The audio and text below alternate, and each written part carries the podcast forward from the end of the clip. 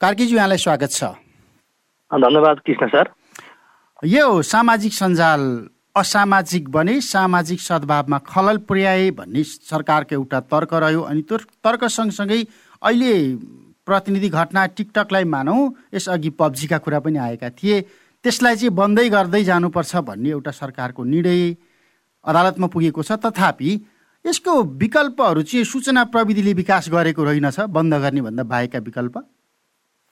एकदमै राम्रो प्रश्न हजुरले स्वागत गर्नुभयो। हजुरले जुन दुई हजार असी कार्तिक सत्ताइसको मन्त्री परिषद बैठकले हालका लागि चाहिँ सामाजिक सद्भाव भाँडिएको भनेर चाहिँ जुन टिकटक एपलाई चाहिँ प्रतिबन्ध लाउने कुरा गरेको छ जुन चाहिँ एकदमै कमजोर निर्णय भन्न चाहन्छु जुन कुरा अब अदालतमा हजुरले पनि पुगेको कुरा बताइसक्नु भएको छ।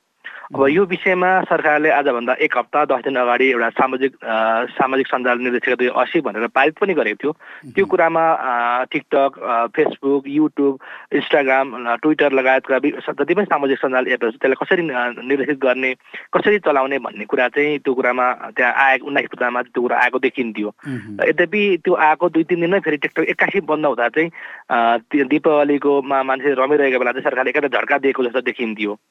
अब सूचना प्रविधि भनेको त वरदान हो अभिशाप होइन।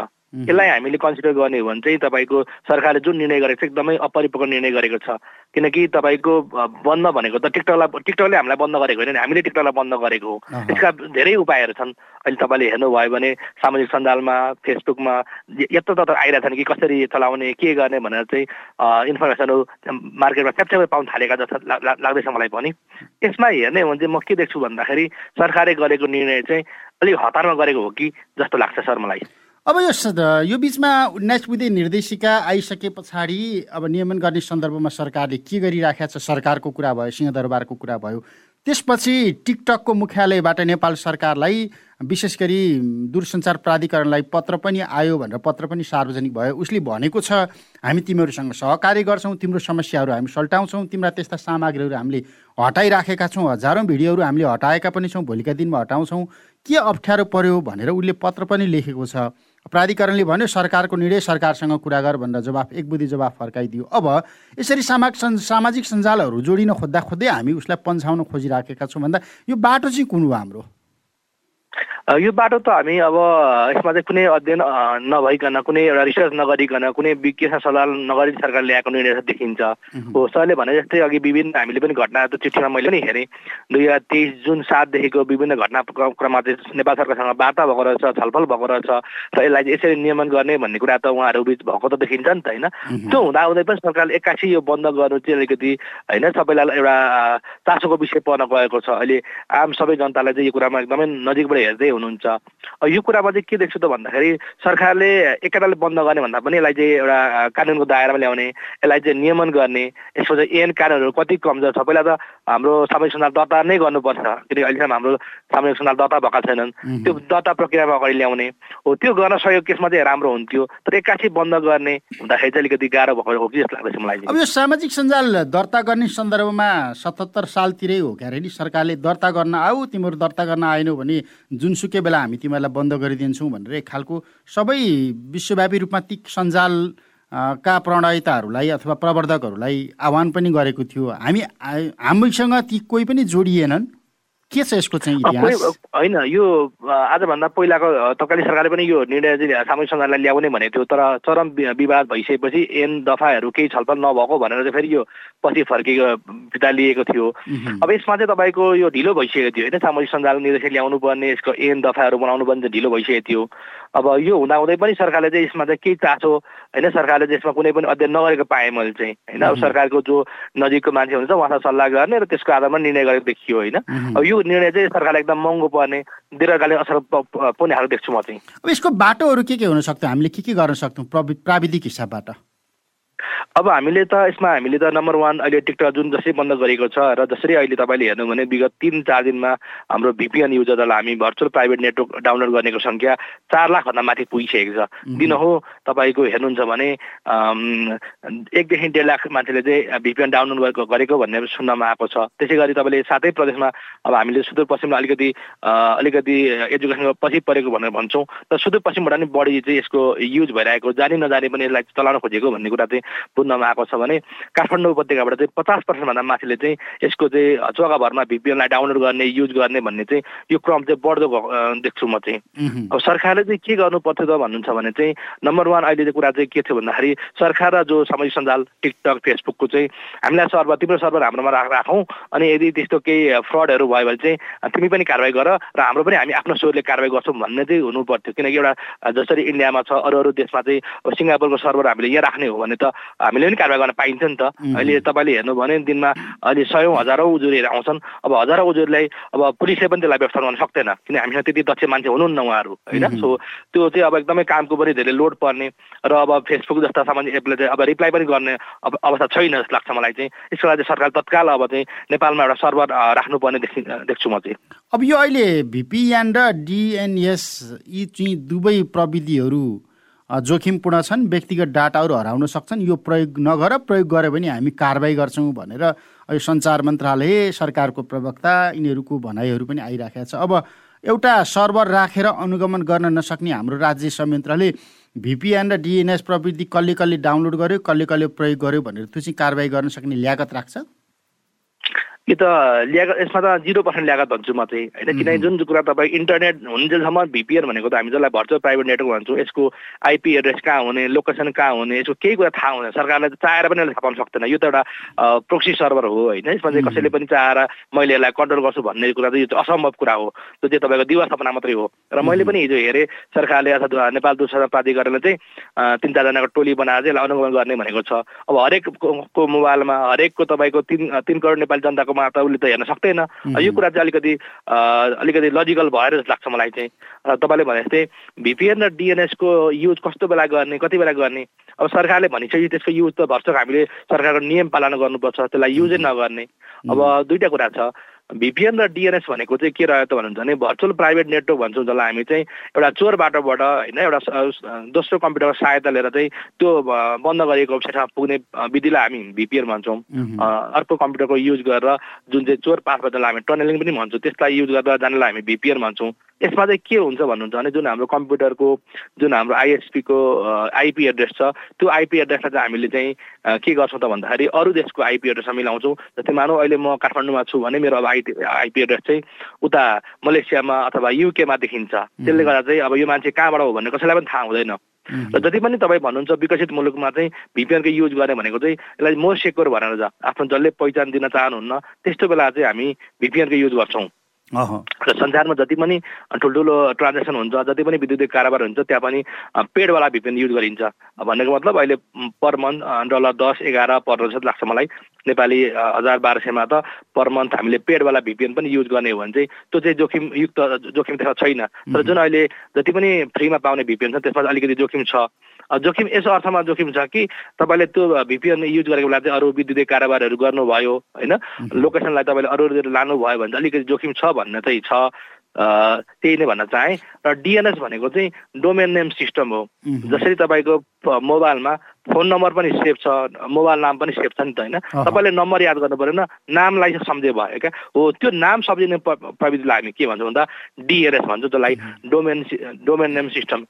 यदि डिएनएस नहुन्थ्यो भने तपाईँले हरेक मान्छेको मोबाइल नम्बर कण्ठ पार्नुपर्ने हुन्थ्यो अथवा हरेक सिस्टमको तपाईँले आइपी एड्रेस याद गर्नुपर्ने हुन्थ्यो त्यो सर्चको लागि आएकोलाई हामी के भन्छौँ त डिएनएस भन्छौँ।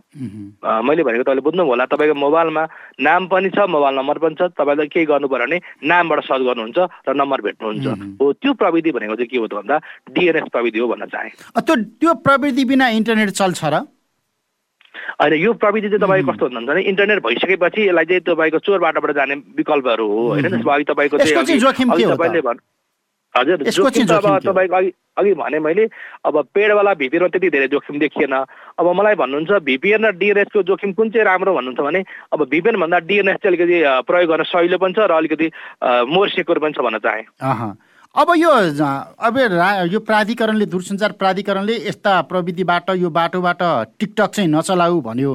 अब हामीले टोली पनि बनाएका छौँ अनुगमन गर्नको लागि हामी कारवाही गर्छौँ भन्यो। त्यो प्राधिकरणले टिकटक अनुगमनको लागि फेसबुक अनुगमनको लागि वाट्सएप अनि ट्विटरहरू अनुगमनको लागि त्यसै गरी विगतदेखि टोली बनाइदिएको भए यो समस्या आउँथ्यो र। हो आउँदैन थियो पक्कै पनि अब तर यो चाहिँ तपाईँको असम्भव निर्णय जस्तो लाग्छ मलाई किनकि आज हामीले नेपाल टेलिकम आउँदै गरेको धेरै वर्ष भयो हामीले यसका पनि विभिन्न अप्सन डाउन हेर्दै आयौँ होइन यो बिचमा हामीले के पायौँ त भन्दा नेपाल टेलिकमसँग अथवा दूरसञ्चारप्रति त्यति लागत छ र अहिले हेर हामीले दुई हजार एक्काइसमा जोड्नुपर्ने फाइभ जी अहिले हामी जोड्न सकेको छैनौँ होइन अहिले तपाईँले काठमाडौँबाट कसैलाई कल गर्नुहुन्छ भने एकचोटिमा कल लाग्छ तर तपाईँ जुम्लामा जानुभयो भने जाजरकोटबाट कल गर्नुभयो भने तिनचोटि हामीले कल गर्नुपर्ने हुन्छ र त्यसको पैसा तिनचोटि नै पैसा काट्ने देखिन्छ। यस्तो क्वालिटी भएको अवस्थामा मलाई भन्नुहोस् त अब यो टोलीले चाहिँ हरेकको मोबाइलमा अनुगमन गर्ने भन्ने चाहिँ म चाहिँ यो चाहिँ अहिलेको लागि सम्भव देख्थिनँ न त्यो हामीसँग मेन पावर छ त्यो हामीसँग ल्याकत छ र त्यतिसम्म हामीसँग रिसर्च नै छ भनेर चाहे। ऊ दूरसञ्चार ऐन दुई हजार त्रिपन्न सालको ऐनबाट चलिराखेको छ एउटा अफिस। होइन? अनि उसले अहिले पछिल्लो समयमा आएको दूरसञ्चार विधेयकका सन्दर्भमा पनि त्यत्रो विवादहरू भए अनि यही बिचमा प्रश्न आएको छ दूरसञ्चार प्राधिकरणले यो थेरामिक्स प्रविधि के के के प्रयोग गर्यो? नागरिकको व्यक्तिगत स्वतन्त्रतामाथि हस्तक्षेप गर्यो? हाम्रा सबै रेकर्डहरू टर्कीसम्म पुगे भनेर संसदमै कुरा उठिराखेको छ भन्दा ऊ आफू उल्टो बाटोमा हिँडिराखेको छ। नागरिकलाई उसले खबरदारी गरिराखेको छ। खास हामी अब ट्र्याक बदलेर अब जानुपर्ने बाटो चाहिँ के हो के देख्नुहुन्छ? अब हजुरले भने जस्तै नेपाल टेलिकमको त धेरै कुरा नै विवादित छ जस्तै तपाईँले अस्ति भन्नुभयो एमडिएस कुरा पनि टेरामस कुरा पनि विवादमा छन्। यो दुइटै चाहिँ प्रविधि हो होइन? प्रविधिलाई ल्याउँछु अब अनुगमन गर्छु भन्ने कुरा त राम्रो हो तर हामीले के कुरा चाहिँ भुल्नु हुँदैन भन्दा अरू देशमा यसको कस्तो प्र्याक्टिस भएको छ कि छैन त? हामी पहिलो कन्ट्री हो कि अब हामीसँग त्यति धेरै जति जनशक्ति हुनुहुन्छ कि किन यो प्रविधि ल्याउनु पर्यो त? यसमा जनतालाई के फाइदा? नम्बर वान क्वेसन भने जान्न चाहे। दूसरा प्राधिकरण यता ठिकै राम्रो काम गर्न खोजेको हो भने त अरू अरू प्रविधि पनि छ नि त। किन टेरामस नै ल्याउनु पर्यो? किन एमडिएमएसै ल्याउनु पर्यो? जुन चाहिँ हाम्रो गोपनीयताको हक धारा अठाइस विपरीत जान्छ। यस्ता कुरामा भन्दा पनि अब नेपाल दूरदर्शन प्राधिकरणले पनि क्वालिटीलाई कसरी चाहिँ राम्रो गर्ने कसरी चाहिँ हाम्रो गुणस्तरलाई बढाउने भन्ने कुरामा ध्यान दिनुपर्छ जस्तो लाग्छ। अब अहिले गर्ने भनेको चाहिँ अब यो हामीले जुन अहिले टिकटकलाई बन्द गरिसकेपछि सरकारले चाहिँ के गर्नुपर्छ भन्दा यथाशीघ्र सरकारले जति पनि सामाजिक सञ्जालहरू कम्पनी छन् उसँग वार्ता गरेर एउटा एमओयु चाहिँ गर्नुपर्ने देखिन्छ। एमओयु यस अर्थमा गर्ने कि ल अहिलेसम्म हामीले जे भयो भयो हामी दर्ता प्रक्रियालाई अगाडि बढाउँछौँ। हामीसँग कानुन नबनेकोले अहिले हामीले यही अवस्थामा चलाइरहेका छौँ। अब हामीले यसलाई नियमन गर्छौँ र तपाईँहरूको एउटा सर्भर चाहिँ हाम्रो हाम्रो देशमा राखिदिनु होला। जस्तै फेसबुकको सर्भर राख्न सक्नुहुन्छ टिकटकको सर्भर राख्न सक्नुहुन्छ अनि यसमा भने कसैले गल्ती गर्यो भने चाहिँ आफूले पनि यहाँबाट कारवाही गर्न सकिन्छ भन्ने कुरा चाहिँ यथाशीघ्र गर्नुपर्छ। जुन सामाजिक सञ्जालमा अस्तिको कुरामा चाहिँ अब दर्ता गर्ने भन्ने कुरा चाहिँ आएको छ त्यो सँगसँगै हामीले चाहिँ नेपाल सरकार र सामाजिक सञ्जाल कम्पनी बिच चाहिँ हामी के गरेर एउटा एमओई गर्ने र तत्काल सर्भर चाहिँ हाम्रो देशमा राख्ने एउटा काम गर्न सकिन्छ। अर्को चाहिँ जनतालाई चाहिँ अवेरनेस गरिदिने।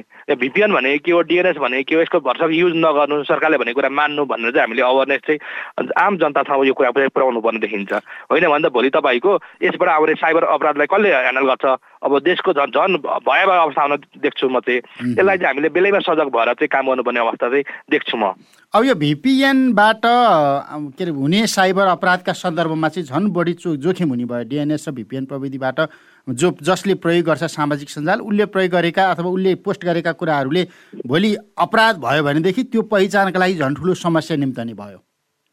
अपराध तपाईँको अपराध त हन्ड्रेड पर्सेन्ट देखिन्छ। आज हामी तपाईँको नोभेम्बरमा छौँ भने मलाई लाग्छ माघ फागुनसम्म त म त यस्तै अवस्था रहने भन्दा म त देशको अवस्था त भयावह अवस्था देख्छु। जस्तै तपाईँलाई एउटा रिसर्चले के भन्छ त भन्नुहुन्छ भने खाने मुखलाई जुवालाई सक्दैन होइन। जसरी पनि नेपालीले अहिले जसरी भिपिएन भिपिएनको युज पहिला पनि हुन्थ्यो होइन। जसरी सरकारले पहिला पोन साइडहरू बन्द गरेपछि भिपिएनको युज हुन्थ्यो। तर यति सतहमा आएको थिएन।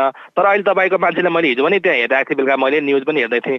अब डिएनएस भनेको चाहिँ त्यहाँ सामाजिक सञ्जाल तपाईँले कमेन्ट पढ्नु भने देखिस् नि सरकार भनेर। सरकारले देखाउने सरकारलाई च्यालेन्ज गर्ने भन्ने कुरा मैले देखिरहेको छु। डिएनएसलाई उनीहरूले कस्तो फुलफर्म बनायो त भन्दा देखिस् नि सरकार भनेर चाहिँ उहाँले भनेको पाएँ मैले।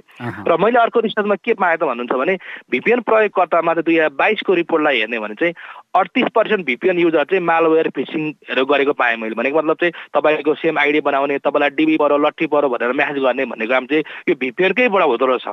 त्यस्तै बहत्तर पर्सेन्ट भिपिएन युजरलाई चाहिँ अनलाइन एक्टिभिटी यो मान्छे कहाँ गइरहेछ यसले के गर्दैछ भनेर ट्र्याक गर्न खोजेको भन्ने मैले पाएँ। जस्तै पोलिटिसियनहरूलाई लयरहरूलाई होइन मिडिया कर्मीलाई चाहिँ यसलाई ट्र्याक गर्ने के गर्दैछ भनेर चाहिँ अनलाइन एक्टिभिटी यसलाई चाहिँ हेर्दो रहेछ। अब यो अवस्थामा अब आजको दिनमा त हेर्नु त म हजुरलाई अर्को एउटा गोप्य सूचना भनिदिन्छु। जति पनि अहिले नेपाल प्रहरीमा आएका उजुरी साइबर ब्युरोमा आएको उजुरी छन् फेसबुकले त आजभन्दा छ महिना अगाडिदेखि नै रिप्लाई गरेर छोडेको छ। पहिला पहिला चाहिँ के हुन्छ हामी उजुरी गर्थ्यौँ अनि त्यहाँ उजुरी गरेपछि त्यहाँ नेपाल प्रहरीको स्टाफहरूले चाहिँ फेसबुकको सर्भरलाई सिङ्गापुरमा मेल गर्नुहुन्थ्यो रिप्लाई गर्थ्यो र यो आइडी आइपी यसको यो हो यसलाई कारवाही गर भन्नुहुन्थ्यो। विगत छ महिनादेखि अथवा विगत एक महिनादेखि फेसबुक टिकटक लगाएर चाहिँ रिप्लाई गरेको छैन। अब भन्नुहोस् त मलाई अब त्यो रिप्लाई गरे पनि के हुन्छ भन्दा अब भिपिएन भन्ने बित्तिकै अब लोकेसन त नेपालमा होइन त्यसको आइपी नै पत्ता लाग्दैन। भनेपछि जसले क्राइम गरे पनि अब खुलेआम क्राइम गर्न पाउने भयो क्या। झन् यसको जोखिम चाहिँ बढ्दो क्रममा छ भन्न चाहेँ। अब यो हामीले पछिल्लो घटनाक्रमलाई हेर्ने हो भने सरकारले यो निर्णय चाहिँ किन लियो जस्तो लाग्छ? अब अलिकति व्यवहारिक कुरामा जाउँ न प्राविधिक भन्दा पनि। हामी सामाजिक सञ्जालहरू राजनीतिक प्रणालीका विरुद्धमा लागे सामाजिक सञ्जालहरू उच्च नेतृत्वका विरुद्धमा लागे अथवा के कारण चाहिँ आम रूपमा शीर्ष नेताहरूको बिचमा यो तहको सहमति भयो र यति आलो खाँचो निर्णय गरे? व्यवहारिक व्यवहारिक प्रश्न अब म त अब टेक्निकल मान्छे टेक्निक कुरामा अलिक बढी ध्यान दिन्छु। राजनीतिक कुरा मलाई लाग्छ जहाँसम्म लाग्छ जुन अहिले चाहिँ हाम्रो सामाजिक सञ्जालमा चाहिँ एकदमै अश्लील क्रियाकलाप गर्ने होइन ठुल्ठुला नेताहरूको पनि कुरा आएको अथवा जुन प्रकारले चाहिँ अलि अलि अलि असभ्य हुँदै गएको भन्ने समाज छ त्यसलाई चाहिँ नियन्त्रण गर्नलाई चाहिँ सरकारले चाहिँ एउटा यो कदम हुँदा कस्तो होला भनेर चाहिँ हचक भएर निर्णय गर्दै देखिन्छ यद्यपि सरकार देशको कार्यकारी प्रधानमन्त्री भन्नुभएको छ मैले सबै पार्टीहरूसँग सल्लाह सल्लाह गरेँ भन्नुभयो तर त्यसको काहीँ पनि त्यो कुरा देखिएन। यदि साँच्चीकै सरकारले समन्वय गरेको एक विज्ञ टोलले छलफल गरेर यो निर्णय गरेको साँच्चीकै फलदायी हुन्थ्यो कि जस्तो लाग्छ। तर यो कुरामा चाहिँ कस्तो देखिन्छ भन्दा एउटा आवेगको भरमा एउटा व्यक्तिको पछि लागेको जस्तो देखियो। एउटा हामीले पनि सुन्यौँ त्यो शान्ति बरालले चाहिँ यस्तो यस्तो गरेको भनेर चाहिँ उहाँको विरुद्ध अथवा भनेपछि एउटा के सरकार व्यक्तिको पछि लाग्ने हो कि त्यसलाई नियमन गर्ने हो भन्ने कुरा चाहिँ अलिकति मैले पनि यो कुरा चाहिँ बुझ्न सकिनँ। सरकार चाहिँ व्यक्तिको पछि लागेको भन्ने पनि पाएँ होइन। अब यो कुरामा चाहिँ राजनीतिकमा यसमा नाफा घाटा भन्दा पनि किनकि अहिले तपाईँको देशको अवस्था हेर्नुहुन्छ भने सबै मान्छे खालि बाहिर जाने भन्छन् त्यहाँमाथि झन् आइटी पढेको मान्छे झन् देशमा कोही बस्न नजाने भन्छन् र जो देशमा हुनुहुन्छ उहाँलाई ट्रस्टै नगर्ने विश्वास नगर्ने भन्ने कुराले चाहिँ सरकारले गरेको निर्णय चाहिँ अलिकति म चाहिँ चाहिँ त्रुटिपूर्ण छ भन्न चाहेँ। अब यो पछिल्लो समयमा जे जति सामाजिक सञ्जालहरूका सन्दर्भमा विवादहरू उठिराखेका छन् अपराधका कुरा अथवा समाजलाई भान्ने सन्दर्भमा त्यस्ता कुराहरू हेर्ने हो भने भोलि टिकटकभन्दा फेसबुक अगाडि देखिएला फेसबुकभन्दा वाट्सएप अगाडि देखेला अथवा अरू कुनै सामाजिक सञ्जालहरू आउलान् यसै गरी बन्द गर्दै जाने बाटो त पक्कै पनि भएन। कानुन बनाउने कुरामा पनि अलिकति नियन्त्रणमुखी कानुन बनाउने बाटोमा सरकार गयो भनेर विवाद भइराखेको छ। अब यसको मध्यमार्गी बाटो तपाईँहरू विज्ञले दिने चाहिँ के हुन्छ देखाइदिने बाटो चाहिँ के हुन्छ?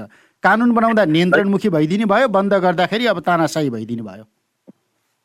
होइन अब हामीले त अरू देशमा कस्तो प्र्याक्टिस छ जस्तै हेर्नु भने अहिले पनि तपाईँको सबै सबै देशमा अथवा सबै विश्वमा चाहिँ तपाईँको यो टिकटक पुरै पूर्ण रूपमा बिहान होइन। जस्तै तपाईँले हेर्नुहुन्छ भने अहिले इन्डियामा इन्डोनेसियामा पनि नागरिकलाई बन्द गरिएको हो भनेपछि एउटा युएसको एउटा सिटीमा छ तपाईँको जुन चाहिँ हामी मोन्टानो सिटी सिटी भन्छ त्यहाँ मात्रै नागरिकलाई चाहिँ बन्द गरेको छ। र त्यहाँ कारण के छ भन्दा डाटा सेक्युरिटी लिक भयो भन्ने कुरा छ।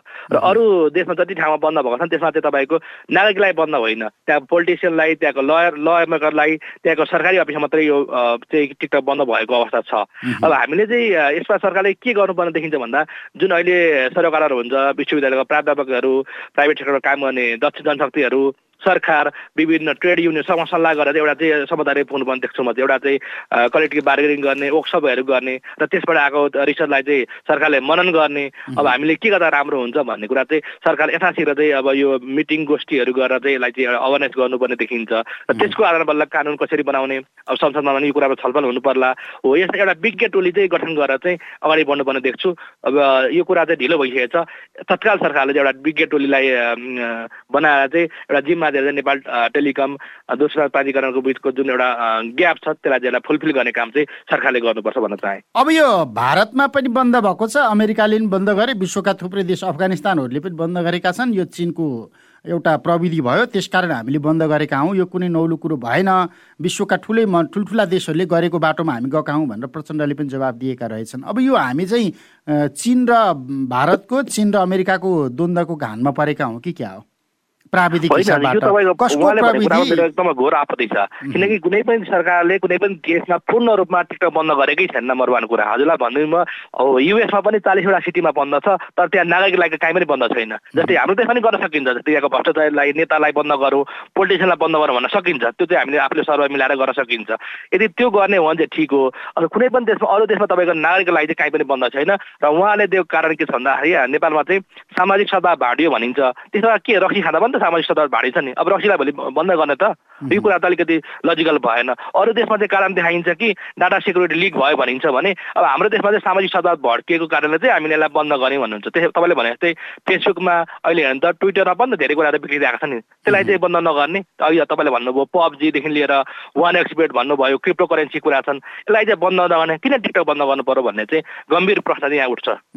अब यो विशेष गरी चाहिँ राजनीतिक नेतृत्वका सन्दर्भमा अब प्रणालीका सन्दर्भमा सामाजिक सञ्जालबाट व्यक्तिका सन्दर्भमा धेरै प्रश्नहरू उठे। यो सामाजिक सञ्जालहरू बन्द गऱ्यो भने प्रश्नै उठ्दैन भनेर त्यो त्यो बाटो चाहिँ सजिलो बाटो अवलम्बन गरेको जस्तो चाहिँ एउटा व्यावहारिक रूपमा त्यो देखियो कि। नेतृत्वको तर्क अहिलेको जमानामा तपाईँको प्रविधिलाई बन्द गर्छु इन्टरनेट थुन्छु भन्नु भनेको चाहिँ यो त बेकामको तुकको कुरा जस्तो लाग्छ मलाई। अब आजको दिनमा तपाईँको तपाईँसँग प्रविधि छैन इन्टरनेट छैन तपाईँ टेक्नोलोजीसँग अवेरनेस हुनु हुनु छैन भने त तपाईँ हामी बाँच्नु र नबाँच्नु केही अर्थै छैन। हामी अहिले त एक्काइसौँ एक्काइसौँ शताब्दीमा छौँ। अब यो कुरालाई त हामीले मनाउनु गर्नुपर्छ नि त अन्त तपाईँ दिन दुई गुणा रात चार गुणा टेक्नोलोजीमा चाहिँ हामी अगाडि बढिरहेको अवस्थामा चाहिँ अब हामी चाहिँ भएको कुरालाई कि हामी अब पछाडि फर्किने त होइन नि त। हामी त अगाडि बढ्ने कसरी भइरहेको छ भन्ने कुरामा चाहिँ हामीले अगाडि बढ्नुपर्छ जस्तो लाग्छ मलाई। अन्त्यमा राज्य सञ्चालकहरूको लागि तपाईँको सुझाव के छ? यस्ता निर्णयमा चाहिँ जति पनि सूचना प्रविधिहरूको निर्णय गर्दाखेरि चाहिँ अलिकति ठुलो बहस गर्नु जरुरी छ होइन? अब चाहिँ आम जनताले के भन्नुहुन्छ यसका विज्ञहरू को हुनुहुन्छ? विश्वविद्यालय चाहिँ अहिलेको पछिल्लो अवस्था कस्तो छ? र विश्वमा चाहिँ कसरी चाहिँ यो प्रविधि अगाडि बढेको छ? यसको बारे चाहिँ गहन अध्ययन गरेको मान्छेलाई चाहिँ बोलाउने सल्लाह गर्ने र यो निर्णय लिएर कस्तो हुन्छ भनेर एज आम पब्लिक ओपिनियन लिँदाखेरि चाहिँ राम्रो हुन्छ। र सरकारलाई चाहिँ म अब के भन्न चाहन्छु? अब जे हुनु भइसकेको छ होइन? अब सरकार अब सर्वोच्च अदालतले नि के न के निर्णय गर्ला। तर अब त्यो निर्णय आउनुभन्दा अगाडि नै अब जुन हाम्रो अहिले व्यथिति देखियो त्यसलाई नियन्त्रण गर्न सरकारले चाहिँ अविलम्ब चाहिँ एउटा कार्यदिशा अथवा कार्यान्वयन एउटा एउटा विधान जस्तो बनाएर चाहिँ यो यो काम गरौँ भनेर चाहिँ अविलम्ब सरकारले चाहिँ एउटा घोषणा गर्नुपर्छ।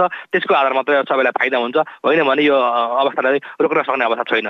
अब अर्को चाहिँ जस्तो अमेरिका अथवा विश्वका कुनै पनि सम्पन्न मुलुकहरूमा प्रविधि सम्पन्न मुलुकहरूमा कुनै एउटा नयाँ स्मार्टफोन आयो कुनै नयाँ टेक्नोलोजीहरू आयो भनेदेखि त्यो भर्सन चाहिँ नेपालमा लन्च भइहाल्ने एउटा अनुभव रह्यो। तर हामीसँग त्यो टेक्नोलोजीले लिएर आउने त्यसलाई सुरक्षित गर्ने त्यसलाई ट्याकल गर्ने खालको अनुभव पनि भएन हामीसँग तयारी पनि भएन हामीसँग त्यो खालको दक्ष जनशक्ति पनि भएन। परिणाम हामी यही बाटोमा हिँडिराखेका छौँ हिँड्नुपर्छ। विकल्पै छैन अर्को। हजुर अहिलेसम्म जे जस जस्तो अवस्था त हामीलाई साथै भन्नुहुन्छ यो त हामीलाई त अटोमेटिक आफैले नै गरेर अगाडि बढेको देखिन्छ। यसको लागि चाहिँ अब नियम गर्ने निकायहरू होइन सम्बन्धित विज्ञहरूलाई चाहिँ एकदमै ठाउँ ठाउँमा राखिदिने। र सरकारले चाहिँ के कुरा याद गर्नुपर्छ भन्दा अहिले पनि तपाईँले हेर्नु भने जति पनि अहिले नेपाल प्रहरीमा काम गर्ने त्यस्तै तपाईँको हाम्रो नेपाली सेनामा काम गर्ने अथवा जति पनि लोकसेवा आयोगमा अन्तर्गत काम गर्ने निजामती हुनुहुन्छ उहाँलाई पनि यो आइटी क्षेत्रका मान्छे अलिकति उहाँले प्रमोट गर्नुभयो कि अहिले तपाईँले हेर्नु भने लोकसेवा आयोगले विज्ञापन माग्दै गर्दा चाहिँ आइटीमा तपाईँको भ्याकेन्सीमा एप्लाई नै नहुने अवस्था आइसकेको देख्छु म। किन भन्दाखेरि अहिले जुन एउटा निजामती र यो प्राविधिकको चाहिँ एउटा ग्याप छ क्या किनकि किन गर्ने त मैले होइन सहयोग साथीले महिनाको दुई तिन लाख कमाइरहेको छ मलाई सरकारले के दिन्छ भन्ने कुरा चाहिँ एकदमै तर्कालो विषय बन्न गएको छ। हो। यो विषयलाई चाहिँ सरकारले अलिकति नजरअन्दाज गर्दै अगाडि बढ्नुपर्छ देख्छु म चाहिँ। हुन्छ यहाँको समय संवादका लागि धन्यवाद। धन्यवाद कृष्ण सर।